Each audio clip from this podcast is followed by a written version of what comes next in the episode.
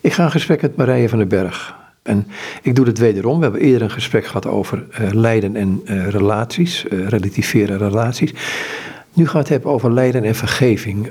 Op basis van het boek door jou geschreven van Rauna Wauw. Een boek uitgegeven bij Archimedia in Leeuwarden. Een boek waarin veel meer onderwerpen staan die je gewoon kunnen helpen om eens goed naar jezelf te kijken. En te kijken hoe je met, aan met jezelf in het reinen kunt komen. Maar ook hoe je gewoon in volheid met God kunt leven, want daar gaat het toch om. En jezelf durft te omarmen zoals je bent. Zeg ik het nu goed? Ja, absoluut. Al hebben we het over uh, van Rauw Wouw, dan, uh, dan, dan zit er eigenlijk heel erg veel in.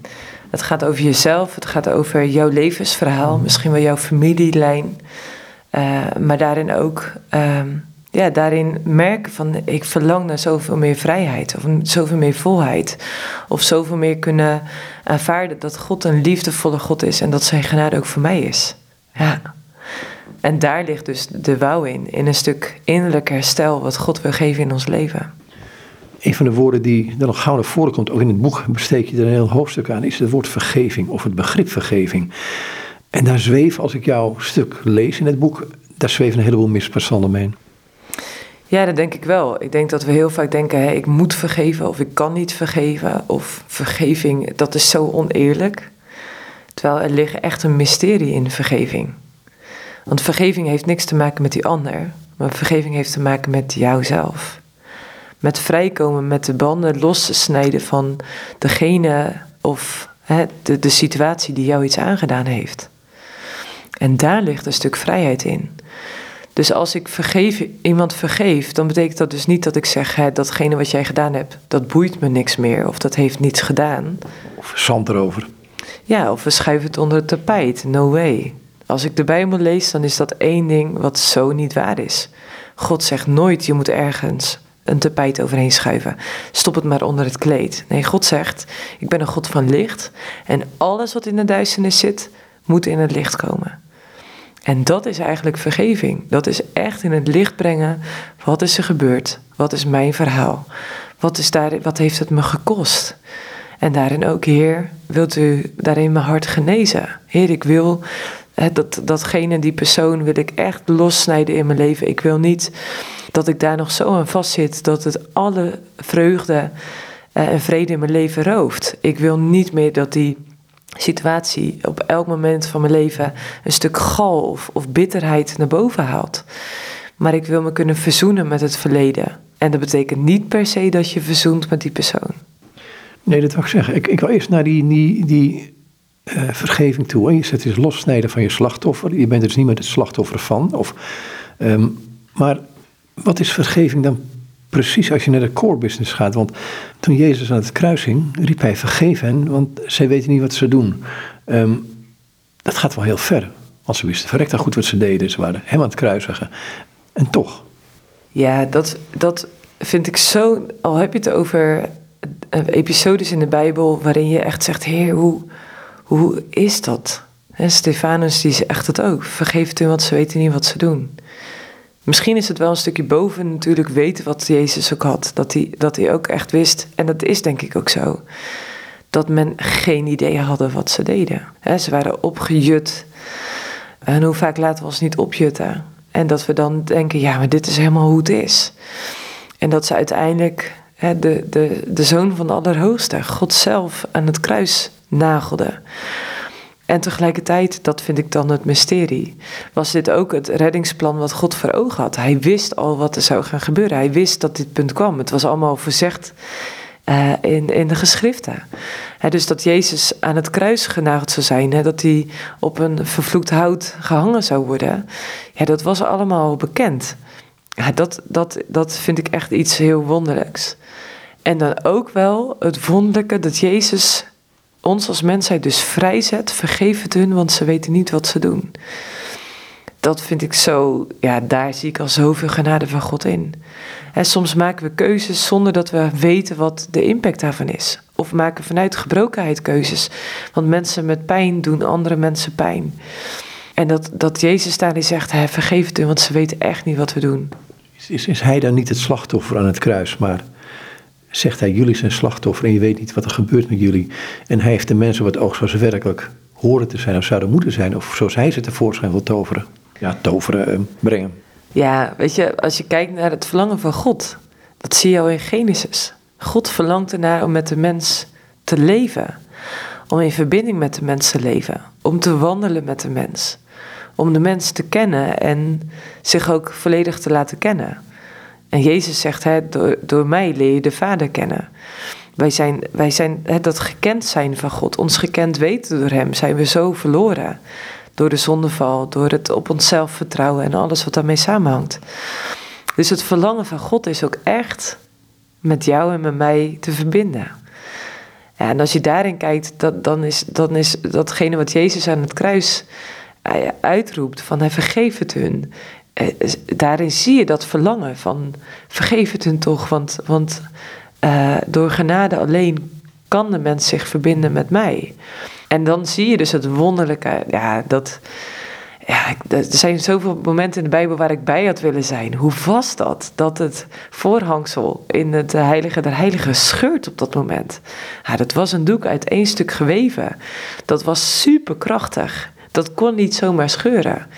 En daarin zie je dus dat door het offer van Jezus Christus, ja, we weer toenadering tot God mogen vinden. Ondanks dat wat we met ons meenemen. Uh, en dat, dat uh, ja, God gewoon het toonbeeld is van hoe genade werkt. Ja, dat vind ik echt heel erg mooi. Vergeving, hè? Ik, ik, heb ooit een interview gehad, daar ga ik mee beginnen en, en die vult maar in. Um, we gaan het nu over lijden en vergeving hebben, dus we komen ook op rouwverwerking en andere dingen uit. Want, maar goed, als een meisje, dat was, uh, had op achtjarige leeftijd, was hij tot bekering gekomen en op een gegeven moment verkrachtte haar broer. En een van de dingen die ik haar vroeg, een van de dingen die ik begreep was het feit dat ze zei van ja, um, ik zeg maar je bent christen en toch is je dit overkomen. Ja, zei ze. Hij was erbij, één. En het heeft daarna in haar huwelijk een dikke tien jaar geduurd, zo lang, voor ze zichzelf normaal aan haar man kon geven. Dus het is niet met twee keer bidden voorbij. Nee. Nee, uh, vooral als je het hebt over seksualiteit. In 1 Korinthe 6 staat dat niets zo diep raakt dan iets wat op seksueel gebied scheef gaat. Dat vind ik ook het wonder van het huwelijk. Dat God zegt: Ik wil dat jullie een verbond sluiten. Om, om elkaar trouw te beloven en die veiligheid te creëren dat seksualiteit ook binnen die veiligheid, binnen dat kader plaatsvindt.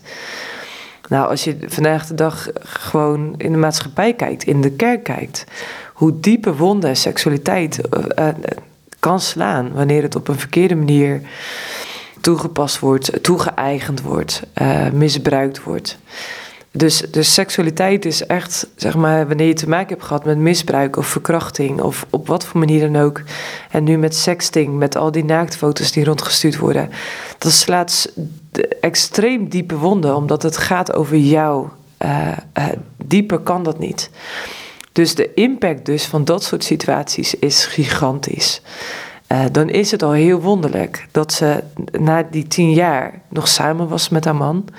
Uh, maar ook dat ze daarin samen met hem een pad van herstel heeft bewandeld. Want dat betekent dus dat hij al die tien jaar, ondanks dat hun seksualiteit gebroken was, dat wel kon verdragen. Dus dat toont echt van een diepe liefde ook van die man naar die vrouw. Maar ook een bereidwilligheid van haar om dit proces ook echt aan te gaan. Om dit aan te kijken. Dat zulke diep geslagen wonden tot herstel kunnen komen, terwijl dat het toch onderdeel blijft van je levensverhaal, van jouw verhaal, van jullie relatie, van jullie geschiedenis.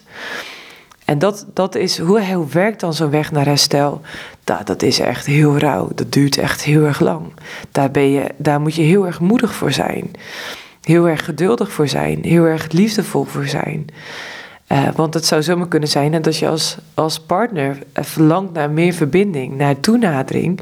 Dat op het moment dat je meer toenadering zoekt, dat je partner zich terugtrekt. Dus het is zo, dat is zo moeilijk om daarin een weg naar herstel te vinden. En toch zie je dan in zo'n verhaal van zo'n vrouw die jij spreekt, dat het wel mogelijk is. Uh, maar er zijn natuurlijk ook heel veel situaties hè, waarin mensen uh, iets ontwikkelen als borderline of zware depressie of, of wat dan ook. Uh, omdat het lijden gewoon zo heftig is dat dat, dat dus inderdaad zoveel gebrokenheid in je leven tot uiting kan brengen. Hè? Want kun je mensen dan vertrouwen? Kun je voor het, voor het stukje wat van jou is verantwoordelijkheid nemen. Niet dat in dit soort gevallen gaat over jij bent schuldig, maar wel van oké, maar hoe ga ik dan dus verantwoordelijkheid nemen voor mezelf? Hoe ga ik goed voor mezelf zorgen? Hoe ga ik wellicht wel aangifte doen? Of het in, in het licht brengen überhaupt? En voor omstanders, als iemand ooit zo'n verhaal vertelt, dan is jouw reactie erop het allerbelangrijkste. Want voordat je zo'n verhaal kunt delen, eh, dat had ik ook als ik eh, lessen gaf op school, dan sprak ik ook over seksualiteit en over uh, wat als er, dat nam ik altijd mee, wat als er iets is gebeurd wat niet oké is. Ga het met iemand delen. Maar dan zei ik ook wel tegen uh, zorgadviesteam of tegen schoolmaatschappelijk werk of tegen de mentor. Als een leerling iets deelt, neem het serieus. Want zo vaak uh, zeggen we dan iets waardoor de ander denkt: oh, uh, het is niet veilig om het te delen. Of mensen nemen niet, niet serieus. Of in dit soort gevallen, mensen geloven me niet. Ja, dat zijn van die kleine opmerkingen als van ja, ik, ik ben er, ik, ik geloof je, maar ik ben er niet bij geweest. Weet je, dat, dat rare dingen. Ja, weet je, uh, heel vaak denk je, nou, dat zou toch wel niet waar zijn. Maar de cijfers laten zien dat, dat uh, in een klas drie kinderen dit soort dingen meemaken. Drie. Nou, dan denk ik echt, ik, ik stelde me dat wel eens voor. Als ik dan dat thema, daarom vond ik het zo belangrijk om dat altijd te bespreken. Dat ik echt dacht, oh heer, het zou toch niet waar zijn dat het klopt, dat deze statistieken kloppen. Ja, dan breekt mijn hart. En vandaag de dag, hè, uh, regelmatig gooi je ook in het nieuws. Laatst ook iemand die dus van 100 meisjes, 100 meisjes afgeperst had om naaktfoto's op te sturen. Dan wekken ze vertrouwen. Het thema vertrouwen pak ik altijd mee als ik over seksualiteit spreek. Want in een moment van vertrouwen geef je het meest kostbare wat je hebt, geef je weg. Bijvoorbeeld een naaktfoto van jezelf. Dat is zo privé, dat is zo alleen maar van jou dat als je dat met iemand deelt, heeft hij gelijk iets in handen om jou te chanteren. Uh, al kijk je dan bijvoorbeeld bij tienermeisjes, want dan hè, de jongens in de klas zeiden dan, dat doe je toch gewoon zelf, ben je gewoon dom. Uh, terwijl uh, ook met loverboy situaties, je bent toch gewoon dom. maar heel veel tieners, of eigenlijk elke tiener, in de ontwikkeling van hun, hun brein, die prefrontale kwap, wat tot aan je 24e jaar zich ontwikkelt, als je daarnaar kijkt, dan zit daar oorzaak-gevolg denk ik in. Dus die tienermeisjes van 12, 13, 14, 15, 16, noem maar op, die kunnen dus nog niet goed bepalen wat de risico's zijn van het opsturen van een naaktfoto. En dan nog verder de vraag: hoe kom je er ooit bij dat je zoiets privés opstuurt? Daarin is het belang van het bespreekbaar maken van hè, hoe ga je met eer met jezelf om, maar ook met die ander om. Binnen gezinnen echt enorm belangrijk. Want als daar geen norm in gesteld wordt of niet verteld wordt hoe, hoe dat, dat werkt, ja, van wie moeten ze het dan horen? Is de maatschappij niet de meest gelukkige maatschappij waar wij in leven nu? Dan? Ja, al heb je het dus over het thema seksualiteit, dan, hè, dan is de gedachte, als je jong bent, dan wil je wat. En met hoe meer partners dat je seks hebt gehad, hoe beter het wordt. Uit onderzoek blijkt het tegenovergestelde. Uh, omdat veiligheid misschien wel het allerbelangrijkste is binnen dat thema. Maar als uh, dat stukje geroofd is, uh, al heb je het over gebrokenheid in het leven, dan kun je gebroken worden in het leven door keuzes die je zelf maakt, of keuzes die anderen maken en die dus effect hebben op jou, of al in de generaties geweest zijn. En dat is wel heel heftig om te zien. Hè, dat, hè, soms kun je met voortschrijdend inzicht denken: Oh, had ik maar anders gekozen. Nou, daar hebben we vast allebei voorbeelden van. Dat je ouder bent en terugkijkt en denkt: oh man, wat heb ik uh, gezegd of wat heb ik gedaan of wat heb ik gekozen? Had ik maar anders gekozen? Dus al heb je het over het thema vergeving, zit daar ook al een stukje vergeving in richting jezelf. Maar dan ook dus de dingen die andere mensen jou aangedaan hebben. En hoe heb je het dan bijvoorbeeld over je eerste vier levensjaren, waarin je uh, juist ook uh, in een stuk verbinding met je ouders, een stuk veiligheid nodig hebt om een gezonde hechting te ontwikkelen. Wat als het niet veilig was, misschien al wel niet in de moederschoot? Of wat als er dus wat dan ook gebeurd is in je kindertijd? En geen enkele ouder is perfect. Uh, we hebben allemaal dingen meegemaakt in ons gezin van herkomst, waarvan we zeggen, nou, dat zou ik zelf graag anders doen. Of dat is echt niet oké geweest dat dat gebeurd is.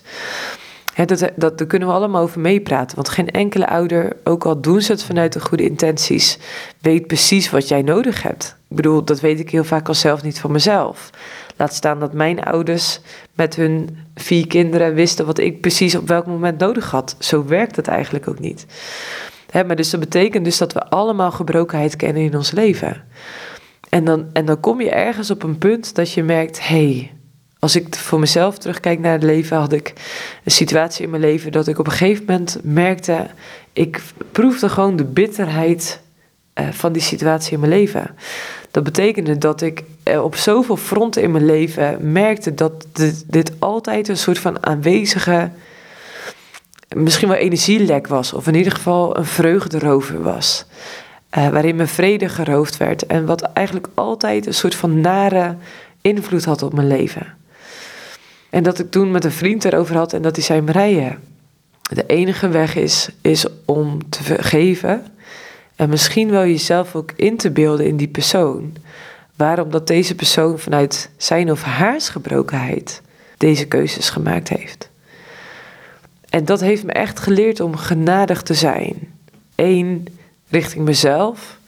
Ook echt te zien en te voelen wat is de impact geweest van die situatie in mijn leven. Wat heeft het me gekost?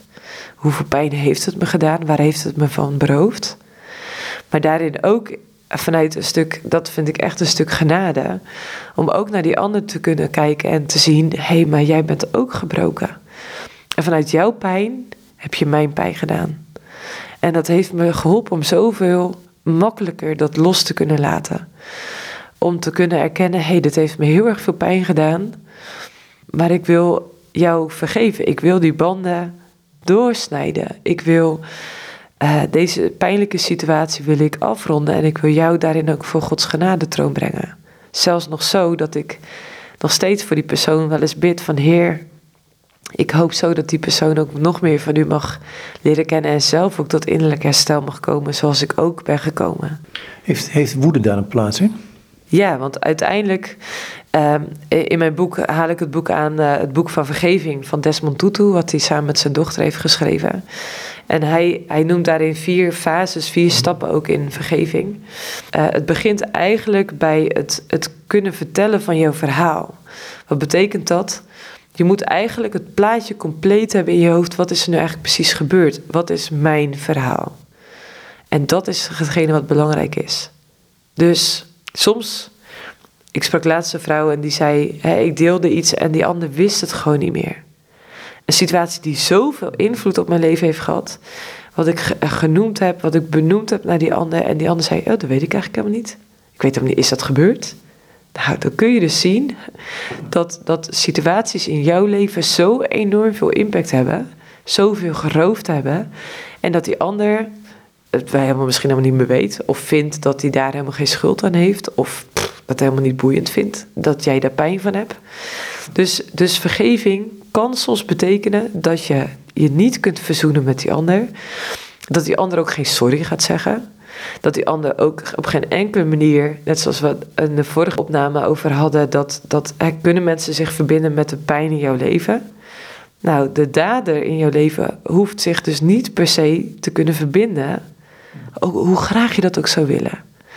Dus dat verhaal vertellen en dan dus ook voelen wat dat met je doet. Ja, woede, vooral als iets al jaren aan de gang is geweest of al jaren met je meereist, kan er enorm veel woede, gevoel van machteloosheid, uh, uh, onrechtvaardigheid, je niet begrepen voelen, je niet gezien weten, uh, enorm verdriet, uh, de angsten die je hebt meegemaakt. Ja, dat kan een veelvoud aan emoties zijn.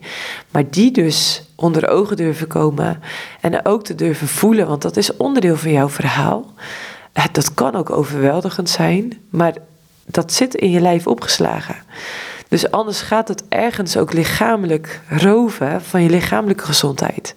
Door stress in je lijf, door allerlei somatische klachten die daarin meespelen. Want bitterheid maakt je lijf ziek. Sterker nog, er zijn onderzoeken. Ze zijn er heel veel aan het onderzoeken. Uh, in aan het onderzoeken dat, dat uh, boosheid en bitterheid zelfs vormen van kanker kan veroorzaken. Ja, dat, dat is je niet voor te stellen, zeg maar. Hoe dat, dat dus emoties invloed heeft op je lichamelijke gezondheid. Ja, we vergeten wel eens dat we een lichaam hebben. Ja, ik denk dat de gemiddelde mens in Nederland niet in verbinding met zijn lichaam uh, leeft. Uh, in gesprekken met mensen, hè, al hebben we het over bepaalde situaties, dan vraag ik, hè, wat, wat dacht je, wat voelde je? Voelde je dat ook in je lijf? En dan heb je echt mensen die denken, uh, voelde ik dat überhaupt in mijn lijf? Oh ja, ja, ik voelde zeg maar spanning in mijn armen of schouders. Of ik merkte dat ik, mijn ademhaling anders werd. Of dat mijn hartslag omhoog ging. Ja, dat zijn eigenlijk allemaal signalen dat er dus emoties door je lichaam heen razen. En dat kun je dus heel vaak lichamelijk al voelen, ja. Is het dan zo, je mag zo op Desmond Tutu doorgaan, want je hebt twee punten genoemd, of één punt genoemd. Um, is het dan zo dat de tijd alle, hele, alle wonden heelt? Dat wordt je ook wel eens heel makkelijk gezegd. En dat vind ik een dooddoener van de hoogste orde, vind ik, maar goed. Tijd heelt geen wonden. Nee. En soms is tijd wel nodig om te kunnen helen, maar dat is iets anders. Maar door het maar niet over te hebben, ik denk dat heel veel generaties dat altijd gedaan hebben. Hè, maar over bijvoorbeeld het verlies van een kind of een vroeggeboorte of miskramen of wat voor dingen dan ook. Hè. Over heel veel dingen werd vroeger niet gepraat. Maar waarvan ik dan mensen ken of, of kinderen van mensen ken die dan zeggen: Mijn moeder heeft dus altijd daarmee geworsteld. Die heeft altijd, of een vader zeg maar, of die heeft naar de fles gegrepen of wat dan ook, om, om, om daar maar mee te kunnen dealen. Maar dan is het niet geheeld. Dan is die wond nog zo open als het maar zijn kan. Dus een wond heelt, pijn heelt alleen maar door aandacht, liefdevolle aandacht. En dat dus ook naartoe te durven gaan. En het bizarre is, denk ik, dat als er dingen in ons leven spelen, dat we, dat we vaak bang zijn. Ik sprak van de week een vrouw die zei zoiets treffend. De angst voor dat gevoel was groter, heftiger dan de pijn zelf. En die ontdekking vond ik zo bijzonder. Omdat ik denk, vaak maken we het zo groot dat, dat we er maar van wegblijven. Uh, maar dat, zeg maar, volhouden kost zoveel meer dan de pijn echt in de ogen kijken. Maar we zijn er vaak zo bang voor, omdat we denken, ik kan het niet aan. En dan zou ik altijd adviseren, hé, hey, maar doe het niet alleen. Met wie kun je naar dat stukje pijn toe gaan? En wie kan dat met jou verdragen? Wie kan jouw lijden daarin uitzitten? Zodat je dat kunt doorleven en, en daarmee kunt dealen. Zodat het kan helen. Dus hè, ik zei net, het begint bij het benoemen, het vertellen van jouw verhaal. Het plaatje compleet krijgen in je hoofd. En dan dus ook benoemen wat de pijn daarin was. Dat is het tweede wat Desmond Tutu ook zegt. Van, hè, dus die woede of die pijn of dat verlies of, of de, die machteloosheid of wat je daarin ook voelt, dat dus ook onder ogen komen. En het was bij hem, herinner ik me, uh, bij die waarheidscommissie waren het zowel de daders als de slachtoffers. En het gaf een enorme confrontatie. Ik zie hem nog jankend over die tafel zitten, ja. Ja, omdat iedereen vindt toch wel dat hij zijn eigen recht staat. Of heeft zijn eigen verhaal. Dus ook al heb je het bijvoorbeeld over partners. Als je een lang huwelijk hebt of wel een korte huwelijk, heel veel relaties uh, verbreken zich binnen zeven jaar. En dat komt misschien wel omdat we enerzijds verwachtingen hebben die misschien niet altijd juist zijn, maar ook niet goed weten wat als iemand jou kwetst. En dat je denkt, ja, ik heb het er maar niet meer over. Maar ergens doet het wel zeer. En kan dat een beetje als een doorn zijn die gaat etteren en pijn blijft doen en eigenlijk steeds meer invloed heeft op je leven of op je relatie. En dus, dus ook al denk je van, hè, wat doet het toe, uh, wat is het het benoemen waard? Maar dus echt al dingen uitspreken, uh, dingen bespreekbaar maken, uh, waar je ook een stukje moed voor hebt. ook als, als je denkt, ja, maar wat is het nou? Of ik moet gewoon niet zo zeuren. Of waarom doe ik allemaal zo moeilijk? Nee, echt even zien wat is je situatie, wat deed het met jou. En daarin dus dan bespreekbaar maken. En dan hoop je dat je uh, niet, uh, als je hem over de zeik bent, al bespreekbaar maakt, want dan stap je uit verbinding. Maar dus op een later moment in de rust gewoon kunnen zeggen van, hé, hey, wat gebeurde er eigenlijk net? Of wat kunnen we hier nu van leren? Of hey, weet je, heb je, heb je het überhaupt door dat als dit of dit gebeurt, dat ik me zus of zo voel? Want dit triggert een stukje oude pijn, of dit triggert iets in mij, waardoor ik me uiterst onveilig voel, of onprettig voel, of boos word, of en misschien projecteer je wel iets van iemand anders op je partner in dat moment. Ja, dat betekent het dus dat daar een stukje werk voor jou in zit. Maar pas als je dus dat verhaal rond hebt en dat gevoel hebt, pas dan kun je overgaan tot een stukje uh, uh, vergeving. tot te zeggen van oké, dit is gebeurd, dit is wat het me heeft gekost. Ik wil nu zeg maar daarin dat lijntje dus uh, doortrekken, afsnijden. En dat is misschien soms wel 15 keer, 20 keer, waarin je echt ook de keuze maakt. Oké, Heer, ik wil, ik wil dit nu daarin zeg maar afronden. Ik wil niet meer dat die persoon zoveel invloed heeft op mijn leven. Ik wil als er emoties in voorbij komen, daar weer even aandacht aan geven. Of daar gewoon aandacht aan geven zonder even, zodat dat er mag zijn, omdat ik mag rouwen om het verlies. Misschien wel het verlies van mijn onbevangenheid.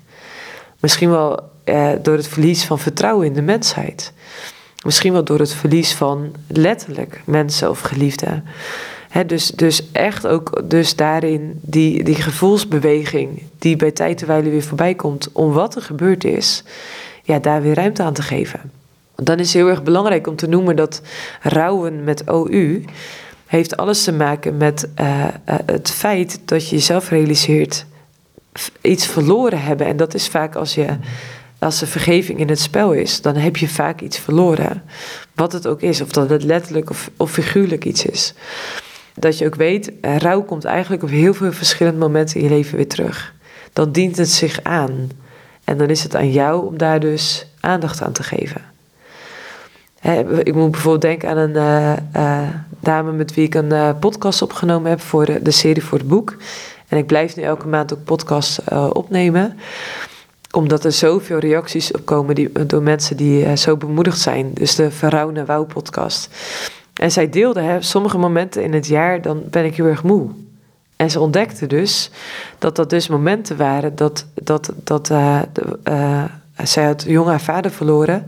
Dat dat dus het moment was dat hij overleden was of dat zijn verjaardag was. Dat ze dan echt merkte, ik ben zo moe. En toen ontdekte ze dus, oh ja, dat is zo'n week dat, dat mijn systeem onbewust eigenlijk ook bezig is met het verlies, met rouwen. En zij moest ook daarmee dealen. Ja, ja, maar eh, wat is de relatie met vergeving hiermee? Nou, wat je dus ziet in, in haar geval, uh, was er een operatie die uitgesteld was, waardoor haar vader overleed. Dus dan heb je te maken met zeg maar een medische fout, of in ieder geval medisch inzicht, waardoor haar vader dus uh, overleden is. Maar ook richting God. Ze was 14 of 15 jaar toen haar vader overleed. Uh, Heer, waarom is mijn vader overleden? Waarom heeft u niet ingegrepen? Waarom heeft hij die de week tot die operatie uh, is, heeft hij dat niet nog overleefd? Waarom hebben de artsen dat gewoon niet goed genoeg ingezien dat hij uh, al eerder die operatie nodig had of wat dan ook? Dus, dus ook met verlies Bijvoorbeeld, hè, een, een partner rijdt weg of iemand rijdt weg en het laatste contact wat je hebt gehad was gespannen of dat je ruzie had en iemand overlijdt plotseling. Dan heb je ook daarmee een stukje jezelf te vergeven en te worstelen met het feit, hé, hey, maar dit of dit heb ik gezegd. Uh, of wat ook heel veel mensen uh, denken, al hebben het over seksueel misbruik. Ik weet wel dat, dat mannen die seksueel misbruikt zijn, uh, enorm worstelen met het stukje, hè, maar ergens, ik kreeg wel een stijve, uh, ergens heb ik het gewoon zelf gewild. Ik vond het dus ook nog gewoon lekker. Hm. En dan dus ook de koppeling te maken, hey, dat is een lichamelijke reactie. Dat dat zo ontstaat, zeg maar. Dit gaat niet over het feit dat jij dit zelf wilde, want dit is in een machtsverhouding of dit is uiterst onrechtvaardig dat iemand iets neemt wat niet van die ander is daar gaat het niet om over, ik wilde het dus eigenlijk zelf ook wel. Maar dit is uiterst groot onrecht wat jou aangedaan is, waar wat in het licht moet komen. Dan is een term die daar bij mij naar boven komt. Niet alleen bij dit, maar ook als je bijvoorbeeld in het huwelijk zegt van... Um, het zijn die kleine dingetjes, die kleine vossen die de wijngaard uh, naar de knoppen helpen, om het zo te zeggen. Um, is het woordje schaamte. Durf ik mezelf te laten zien zoals ik ben? En ik merk dat een van mijn breekpunten in het huwelijk was ten goede was... dat ik in de gaten kreeg hoe mijn vrouw werkelijk zag, hoe ik werkelijk in elkaar zat. Ja, dat wist ze meteen eigenlijk al, maar goed, in mijn verbeelding was dat wat later. Ja, maar schaamte is ook wel de reden dat we dingen niet in het licht brengen. Uh, schaamte is een. Weet je, een schaamte, schaamte is een hele mooie emotie. Want het is gezond dat je uh, merkt in sommige situaties: hé, hey, dit hou ik even voor mezelf. Dat is ook gezond. En de, dat een meisje eh, of een jongen een naaktfoto van zichzelf verstuurt, hè, dat, dat is iets wat zeker niet oké is. Dan, dan heb je een bepaald schaamtegevoel heb je niet, waardoor je dus keuzes maakt die niet oké zijn. Dus schaamte is een goede emotie. Maar schaamte kan ook je helemaal gevangen zetten. Dat je dus denkt, al ben ik kwetsbaar, want daar gaat, de schaamte raakt aan kwetsbaarheid. Hè, dan vinden mensen wat van, of dan uh, krijg ik dus reacties dat mensen zeggen, maar je hebt het zelf gewild. Of ik was er dus niet bij, dus het heeft niet plaatsgevonden. Als mensen zijn, zeggen we zo snel dingen waar we beter onze mond kunnen houden. En maar schaamte houdt ons dus heel vaak gevangen in het duisternis. Uh, terwijl God ons, en dat is een beweging die je steeds ziet in de Bijbel, er komt tevoorschijn, kom in het licht. God is een God van licht. In hem is geen enkel stukje duisternis. In het licht komen, in de openheid komen, is zoiets belangrijks. Daarnaast weet God het allemaal al. God weet wat we meegemaakt hebben. Hij weet wat we voelen. Hij weet wat we denken. Dus al, al hebben we schaamte richting God, mogen we ook weten, zoals zo vaak zichtbaar is in de Bijbel, God wijst je niet weg. Als je bijvoorbeeld kijkt in Johannes 8, waarin die over spelige vrouw staat, ja, dan vind ik dat zo bijzonder. Hij stuurt er niet weg. Hij kent haar. En hij zegt tegen al die omstanders die eromheen staan: hè, Als je nou geen zonde hebt, dan mag je de eerste steen werpen. En ze verdwijnen één voor één. En dat vind ik wel echt heel erg bijzonder. Als ik daarover nadenk, dan denk ik echt: ja, dus wat, wat er ook is, wat voor keuzes ik gemaakt heb zelf. Of dat ik nou door had of niet. Of dat ik nou wist wat ik deed of niet. of dat ik uh, bewust heb gedaan dat ik dacht, stik er allemaal in en kies dit gewoon bewust. Dat is ook wel zo hè, in, in een stuk frustratie kunnen we soms ook denken, nou, ik, ik kies er gewoon voor en dit is gewoon wat ik doe. En zelfs dan zegt God, weet je, kom maar hier. En ik wil, ik wil je vergeven, ga dan heen van hier en zondig niet weer. Dus je krijgt bij God altijd een nieuwe kans. Ja, dat vind ik echt heel erg bijzonder. Dat is een ander aspect. Ehm, ik, ik, noem maar een hypothetisch geval. Je bent als kind afgewezen en het gaat zich ontwikkelen tot een gedrag. En het gedrag kan wel heel verkeerd zijn waar komt vergeving dan in het spel? Want dan zal je iemand moeten confronteren met iets wat hij verkeerd heeft op basis van iets wat hem aangedaan is. Ja, dus ik denk dat we dat allemaal hebben. We leven in een gebroken wereld. Dus dat betekent dat we allemaal te maken hebben met dus een verhaal. En dan is het een spannende. Want al gaan we dus naar de gevangenis, dan heeft bijna niemand daar een aanwezige vader. Uh, je hoeft nu maar, uh, nu draait de serie Dream School. Dat zijn jongeren die bijvoorbeeld, uh, nou, die helemaal uitgevallen zijn, die zitten niet meer bij een rebound of een internaat, zeg maar, die gaan gewoon niet meer naar school. En wat je ziet is dat die allemaal een vader hebben die uit beeld is, die overleden is, of die door een situatie depressief is of wat dan ook. Uh, of moeders, zeg maar, die verschillende relaties hebben gehad en dat er mannen in huis gekomen zijn. En een en al ellende met heel veel onveiligheid. En die jongeren klappen eruit.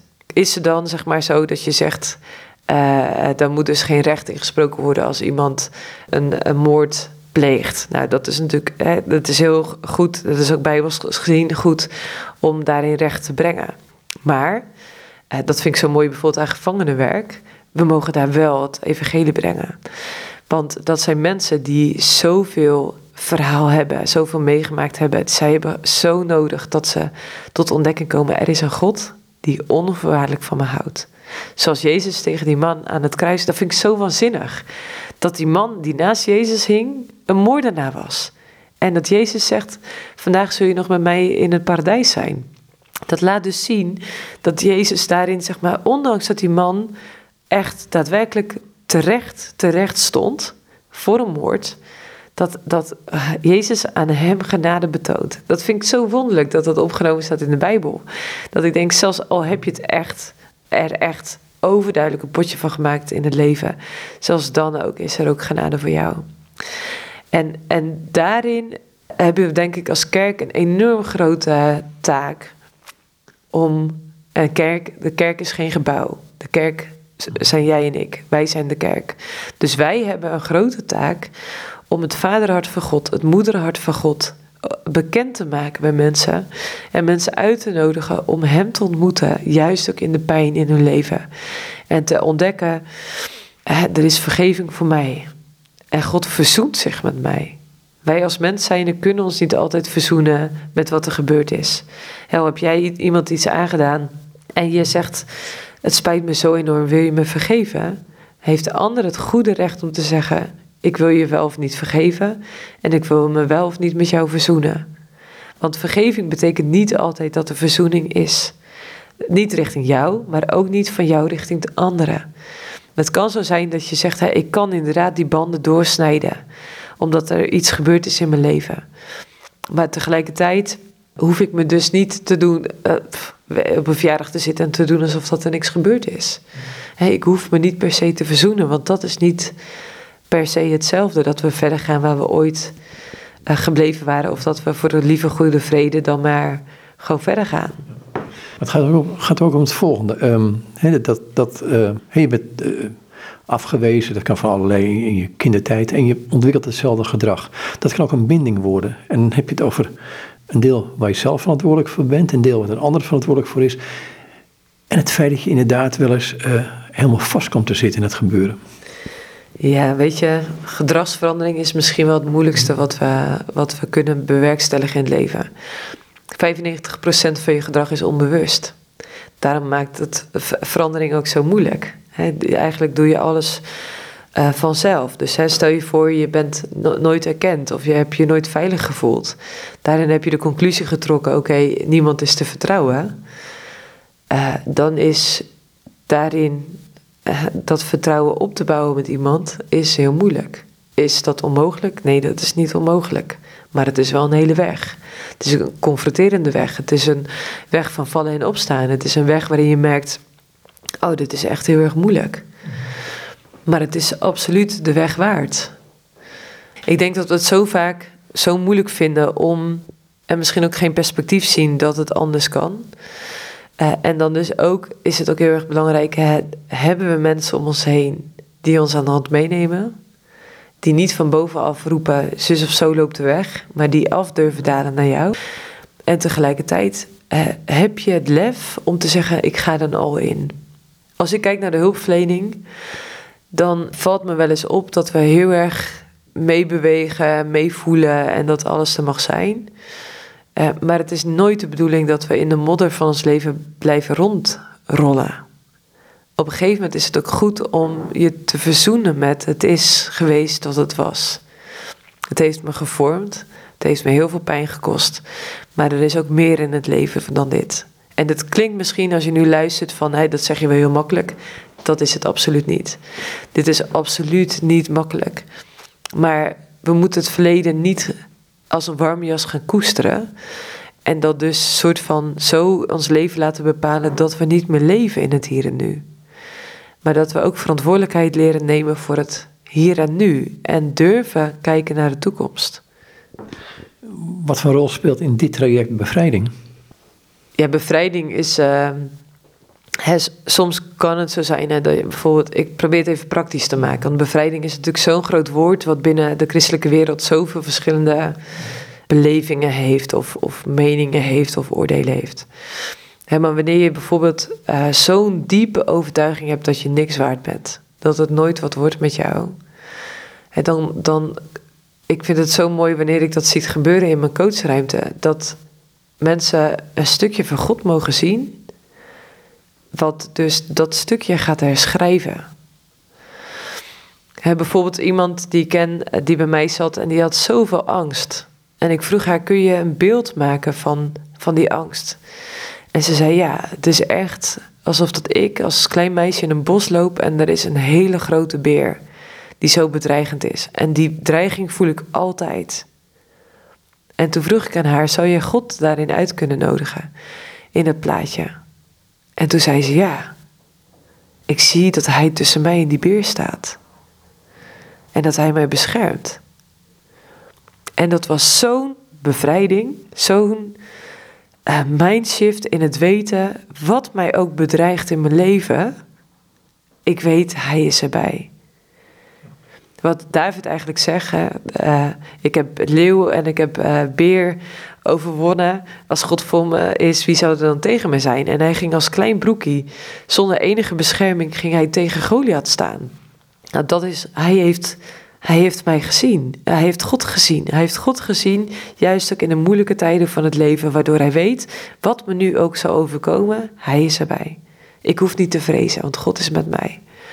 En dat stukje herschrijven, ik geloof dat alleen maar God dat kan doen. Dat, dat we sommige gebrokenheden in ons leven hebben, soms zelfs al in de moederschoot, waar we alleen maar door het ingrijpen van God kunnen zien, ha, maar hij was erbij. Net zoals dat die dame eh, dat ook ervaarde. En het feit dat God erbij was, ook al was het heel gebroken, ook al kunnen we, moeten we worstelen met de vraag: maar Heer, waarom is dat lijden mij overkomen? U bent almachtig, waarom had u het niet kunnen voorkomen? Ook daar moeten we of mogen we mee dealen. Maar dan het weten dat wat mij ook overkomen is, hoe groot dat lijden ook is, ik was er niet alleen. En er zijn ook mensen die zeggen: ik heb daar nooit iets van God in gezien. Ik was daar alleen. Dat is enorm pijnlijk en echt heel erg heftig.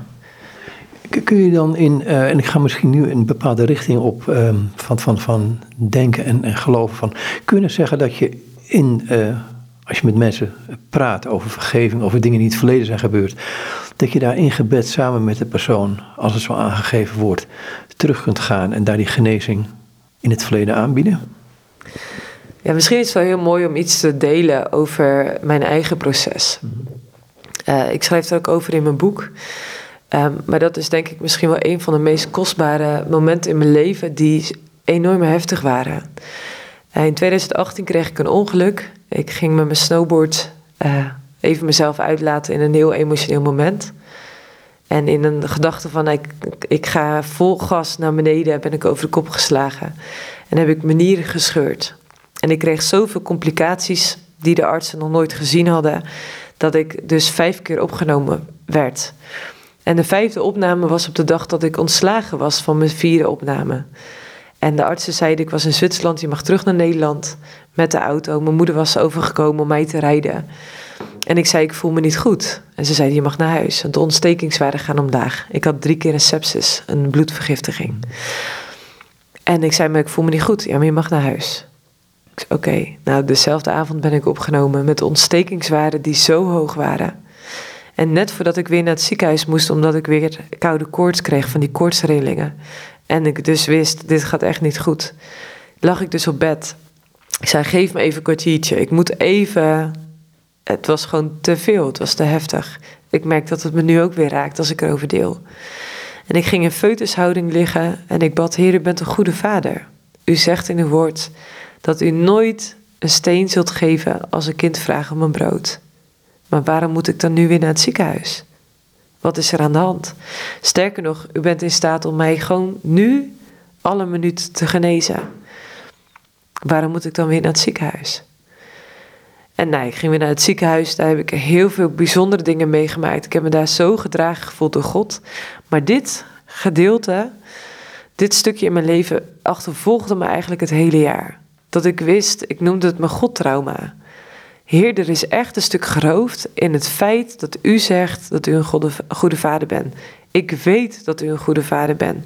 Maar hier is zo'n stuk vertrouwen geroofd dat ik dat, daar geen genoegen mee neem.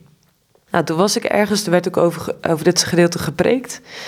Ik merkte echt, ik was zo gefrustreerd dat ik echt dacht: Heer, maar dit, dit moet echt. Ik wil niet meer dat dit zo geroofd wordt dat ik niet meer dit Bijbelgedeelte kan lezen of kan horen zonder daar troosting in te ervaren. En toen had ik een lesdag voor mijn coachopleiding uh, bij Michelle van Düsseldorp bij Groundwork. En haar man die deed een uh, sessie, een oefening, dat heette Emmanuel oefening. En hij had iemand nodig. En ik wist, dit is antwoord op mijn gebed. Dus ik zei, ik, ik, ik, ik wil als voorbeeld dienen voor heel de klas. Hij vroeg mij om weer terug te gaan naar dat moment in 2018 dat ik echt in vertwijfeling op bed lag, in feutushouding. En ik zag dat echt vol me. En dan echt, wat voel je dan en hoe is dat nou? Dat was echt afschuwelijk, zeg maar. De, de groep zag dat ook gewoon van zo het, het meest diepe punt in mijn hele leven. En dat ik vervolgens de vraag kreeg van, zou je God daarin uit kunnen nodigen? En ik zag twee handen die onder mij kwamen, die mij optilden. En ik hoorde een stem zeggen die zei: Marij, ik heb je al die tijd gedragen. En toen vroeg Chris van Düsseldorp de vraag: Zou je God nog iets willen vragen? zei ik, ja, Heer, waarom heeft u me toen niet genezen? En toen hoorde ik zijn stem die zei: Ik heb je nog meer van mijn grootheid willen laten zien. En dat was ook gebeurd in die tijd daarna. Ik heb zo ervaren dat God zei: Ik ben de ik ben. Dat Hij met mij was, alle dagen, tot aan de vereinding van de wereld. En dat is echt zo bijzonder geweest. Ja, dat is echt zo'n bijzondere reis geweest. En daarin mocht ik ook echt dealen met mijn pijn. Hel heb je het over woede, frustratie, machteloosheid. Ik voelde me zo onbegrepen, zo niet gekend door God op dat ene moment. En dat dat zo omgekeerd mocht worden van mijn godstrauma naar een gloriemoment. Waarin ik zoveel van zijn goedheid zag en, en me daarin zo gekend wist. Dus die mindshift, net zoals wat die, dame ook getuigde van, ondanks het misbruik door haar eigen broer toen ze nog een kind was, dat ze zei, maar Jezus was er altijd bij. Alleen dat kan ervoor zorgen dat zulk diep trauma niet alleen gedragen wordt. Dat je daar niet alleen in bent. En dan het vraagstuk, maar waarom zorgde u er niet voor dat die broer met zijn tengels van zijn zusje afbleef? Dat is echt uh, misschien wel een van de grootste mysteries, hè, maar God geeft ons allemaal de verantwoordelijkheid om goed rentmeester te zijn voor de schepping en de mensen die ons aangaan. En wij laten gewoon zien in heel de maatschappij, in heel de wereld, dat we er een zooitje van maken. Allemaal. En de gebrokenheid en, en de invloed daarvan, de impact in de levens van mensen die misschien ook wel heel dichtbij staan. Of mensen die verder weg staan, die we helemaal niet kennen. Door bijvoorbeeld de kleding die we kopen, die geproduceerd wordt door mensen in slavernij. Bijvoorbeeld, hè, dat is maar ver van ons bedshow. Maar dat is ook een onrecht waar wij aan bijdragen door, door eigen gewin, door, door zelfgericht te zijn, door egoïstisch te zijn, door onze eigen pijn niet aan te kijken, doen we zoveel andere mensen pijn. En dan, in dat alles, is God een genade God. Die zegt, ook al ben je moordenaar, ook al heb je iemand misbruikt, en moet je daarvoor wel voor het recht verschijnen. Dat vind ik echt heel belangrijk om te noemen. Moet recht gebracht worden, maar ook voor al die mensen die dus in de gevangenis zitten. Of al die mensen die, wat dan ook, want laten we het dichtbij houden. Zelfs voor mij is Gods genade genoeg. En is zijn liefde elke dag opnieuw. Of dat ik het nou verdien of niet. En ik mag, het enige wat ik mag doen, is laven in zijn liefde. En me laten veranderen door de transformering van mijn zijn. Zodat ik meer op Jezus ga lijken. En daarin een lichtend licht mag zijn voor velen. En ik hoop dat ik zo, daarom streef ik denk ik ook zo na om zelf geheel te worden.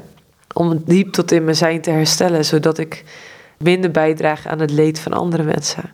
En dat ik echt mijn eigen handelen, mijn eigen gedachten, mijn eigen emoties onder ogen durf te komen. En daar faal ik dagelijks in. Dus ik ben zo dankbaar voor de genade en de liefde van God. Een ander aspect van, uh, je hebt het in het begin even genoemd, ehm, van niet kunnen vergeven of niet willen vergeven, of hoe je het ook noemen wilt, is dat je heel erg op jezelf teruggeplooid wordt. Uh, het kan tot verbittering raken en, en met alle gevolgen van dien. Ja, dus als je dat herkent in je leven, wil ik je echt uitnodigen. Bitterheid is geen vrijheid, is geen volheid van leven. Bitterheid betekent dat je al je levensvreugde geroofd wordt en dat je niet leeft bij de Vrouw Wouw heb ik een podcast opgenomen met een dame, ook over vergeving. En zij had een vader die uh, heel heftig was. Waarin er heel veel zeg maar, van zijn pijn haar pijn geworden is door wat hij gedaan heeft. En zij deelde ook over het wonder van dus vergeving in haar leven. En dat is denk ik het mysterie dus van vergeving. Is dat het niet gaat om degene of de situatie of in zijn algemeenheid dat wat je wil vergeven. Maar vergeving brengt leven, brengt licht, brengt lucht, brengt vrede, brengt rust, brengt alles in het leven waarvan God zegt: hé, maar ook op aarde mag je leven in volheid. En het gaat het niet om het feit of jij wel of niet gelijk hebt in een situatie. Nee, want we hebben altijd allebei ons eigen verhaal. weet je, als je, eh, eh, dan is een huwelijk eigenlijk mooi om te zeggen in onze eigen beleving of in ons eigen verhaal of in onze eigen geschiedenis of in onze eigen situatie hebben we allebei ons verhaal en hebben we dus allebei gelijk. Soms willen we heel graag gelijk hebben, want dan wordt onze pijn erkend. Maar een ander kan dat heel anders ervaren of anders zien. Ook hele andere behoeftes hebben dan jij, want wij hebben allemaal andere behoeftes. dus is er dan een gelijk te behalen of is het gewoon gebroken? En ik denk dat we heel vaak zelf in ons recht willen staan, omdat het ons rechtvaardigt om dan boos te zijn. Dan denk ik, ja, dan is het zo mooi dat God daarin zegt: hé, hey, maar kom maar bij mij. Omdat heel vaak we geen eh, recht kunnen krijgen, zeg maar. En in sommige gevallen is dat natuurlijk wel echt het geval. Hè? Als er, er zijn niet voor niks wet en regelgeving om orde te creëren. En dat zie je al aan het volk van Israël. God stelde dus uh, leefregels op, wetten op, omdat we daardoor in vrijheid konden leven. De, wetten van God geven vrijheid, omdat God als geen ander weet voor ons wat goed is. En als je op zo'n manier de wet gaat lezen, ja, dan brengt hij dus heel veel vrijheid teweeg. Want binnen die kaders is het leven. We hebben dus blijkbaar als mens zijnde wetten en regel en contracten nodig om duidelijkheid te creëren. Dat is iets heel fascinerends, vind ik. Maar daarbinnen is wel de veiligheid en de duidelijkheid van hoe dat dingen werken. Ga van lijden en vergeving dit, maar ik ga toch even naar een voorbeeld toe wat misschien een, een, een grote kader neerzet. Ik heb dit een keer gehoord. Ehm, als we Jezus in ons leven vragen als Heer, dan komt Hij naar binnen toe, koffertje bij zijn, ja, een beetje een gek voorbeeld. En die gaat dan in het kleinste zolderkamertje zitten. En voor de rest wacht hij tot jij zegt, kom maar. Ja, ze vergelijken vaak dan uh, je hart als een huis. En God is een gentleman, die dringt zich niet op. Terwijl als zijn licht overal komt, is je huis verlicht. Is het warm, is het een veilige plek. Is het een fijne plek om te zijn. En dat vraagt dus om een stukje kwetsbaarheid. Die schaamte voorbij. Ergens is dat heel erg spannend. En tegelijkertijd, als je dat stapje voor stapje doet, merk je dat het dus heel veel ruimte geeft. Heel veel vrede, heel veel vreugde geeft. En dat is niet altijd makkelijk, want er zit vaak een proces bij dan nodigt het je uit om niet die kamer dicht te houden, zelf ook op, op slot te houden, maar om samen met Jezus zelf die ruimte in te gaan en alles gewoon eens even de revue te laten passeren. En dat kost tijd en aandacht, focus, ruimte. Maar daar ligt dus wel heel veel kostbaars omsloten, wat, uh, ja, wat God aan ons wil geven. Hij wil namelijk aan ons geven dat alle kamers van ons hart een fijne plek zijn. Uh, dat daar heel, veel, heel veel genezing en herstel kan zijn, zodat we dat uit kunnen delen. Uh, en niet ten koste van anderen dus keuzes maken om onszelf maar beter te voelen. Je hebt een, uh, een bedrijfje, dacht ik, hè, zoiets, wat, wat zich hiermee bezighoudt. Ja, dat is een bedrijf. ja, ik heb een coachingsbureau, Bureau Delight. Daarbinnen specialiseer ik me vooral op vrouwen. Ik heb Klare Liefdestaal, dat is een label voor stellen en singles die daar ook naartoe kunnen komen. Die gewoon zeggen, hé, hey, ik wil echt mijn liefde boosten. Ik wil meer verbinding met mijn partner ervaren. En ik heb Marije van den Berg, dat is dan gewoon mijn naam. Maar dat is de website voor, uh, voor teamtrainingen en, uh, en teams die ik daarin coach of ondernemers. Dus ik heb daarin verschillende labels. En dat komt misschien wel omdat ik al die verschillende doelgroepen zo mooi vind om daarin, uh, daar ook mee te werken. En soms mag ik ook jongeren daarin helpen om een springplankje te geven om ook een studiekeuze te maken. Dat is ontdek jouw vervolgstudie. En die veelkleurigheid die ik heb, die is dus ook zichtbaar in mijn ondernemerschap. waarin ik met steeds meer teamleden ook dat uit mag oefenen. En dat is wel echt heel erg mooi om dat ook te zien. Omdat je daarin ook echt verandering ziet. En het mooie is, eh, van de week vroeg iemand, hé, maar ik zie niks van Jezus bij jou op de website of van God. En ik zei ook, ik ervaar zo'n sterke roeping om juist ook mijn bedrijf open te zetten voor mensen die God nog niet kennen. Want dat komt altijd ter sprake. En ja, als iemand daar behoefte aan heeft om elk gesprek met, met God daarin te bespreken, vind ik fantastisch. Daar geniet ik echt enorm van. Maar ik wil ook de mensen die Hem nog niet kennen, wie vertelt het ze dan? En wie neemt mensen aan de hand mee? Wie zegt mensen dan: hé, hey, maar er is ook nog een God die jou tot in het diepste van je kern kan genezen en kan herstellen? Ja, dat is echt heel bijzonder. En dat in deze maatschappij waarin wij soms wel een vat chemicaliën lijken, hè? Of, of wij zijn ons brein, ik ga van onze hersenen, ik ga even heel kort de bocht nu hoor. Um, want daar loop je ook tegenaan. Hebben wij wel een ziel? En, en die God, waar heb je het over? Dit is alles wat er is. Ik zat een, uh, een uitzending van Ik Vertrek te kijken. En toen was er een stel en, en uh, een oude buurman kreeg een hartaanval. En toen zei hij van, uh, ja, wij hebben geen eeuwig leven, zei hij. Dus we moeten hier maar het beste ervan maken en het meeste eruit halen. Dacht ik echt, oh, als je dat echt denkt. Dat ik dacht, ik heb wel een eeuwig leven. En ik heb wel een ziel en ik heb wel een God die daarin betrokken is. En, en dat te kennen, ja, dat maakt dat ik heel anders in het leven sta. Omdat het leven hier op aarde, ja, daar wil ik het mooiste van maken. En, en wil ik van betekenis zijn. En, en, en ik wil het leven koesteren. Dat, dat koester ik ook, want ik leef in genadejaren. Ik leef extra jaren, omdat ik in 2018 had kunnen overlijden. Dus dat ik nu nog leef is uh, alleen maar winst. En tegelijkertijd zie je dan ook van, er zijn dus heel veel mensen die dat dus niet kennen, die die hoop en die verlossing en het feit dat God zelf zegt van, hè, er komt een nieuwe aarde, een nieuwe hemel, waar geen tranen zijn, waar geen pijn is, waar geen rouw en geen verlies is. Ja, dan denk ik echt, ik kan niet wachten totdat die dag komt. Het boek wat je geschreven hebt, eh, het werk wat je doet, is daar een aanzet toe. Ja, dat is. Uh, uh, ik haalde dat al even aan dat ik op uh, dat ik zag dat dingen van generatie tot generatie doorgegeven werden. En dat ik echt ook dacht, hoe mooi is het als we daarin. Ja, door, door Gods genade kunnen we bepaalde dingen die de, de erfzonde, die van generatie tot in de tiende geslacht ging. Dat ik echt denk, maar daar, daar is Jezus voor aan het kruis gegaan. Dus wij kunnen door, door juist die verbinding met Hem door het doorleven van de genade, door het aankijken van de pijn en de moeite in ons leven, door het uitnodigen van God daarin, tot een dieper herstel komen, zijn stem te horen, zoals hij zegt ook in Johannes 10, vers 10, en leven vanuit de dagelijkse vernieuwing van denken en alles wat God ons daarin geeft, zodat we daadwerkelijk vanuit genade mogen leven. Hey, dank je voor dit gesprek. Ja, dat is mooi. Dank je wel, Joop. En dit is Marije van den Berg. En met haar was ik in gesprek op basis van een door haar geschreven boek uh, van Rauw Nou Wauw. Um, een boek uitgegeven bij Arken Media in Leeuwarden.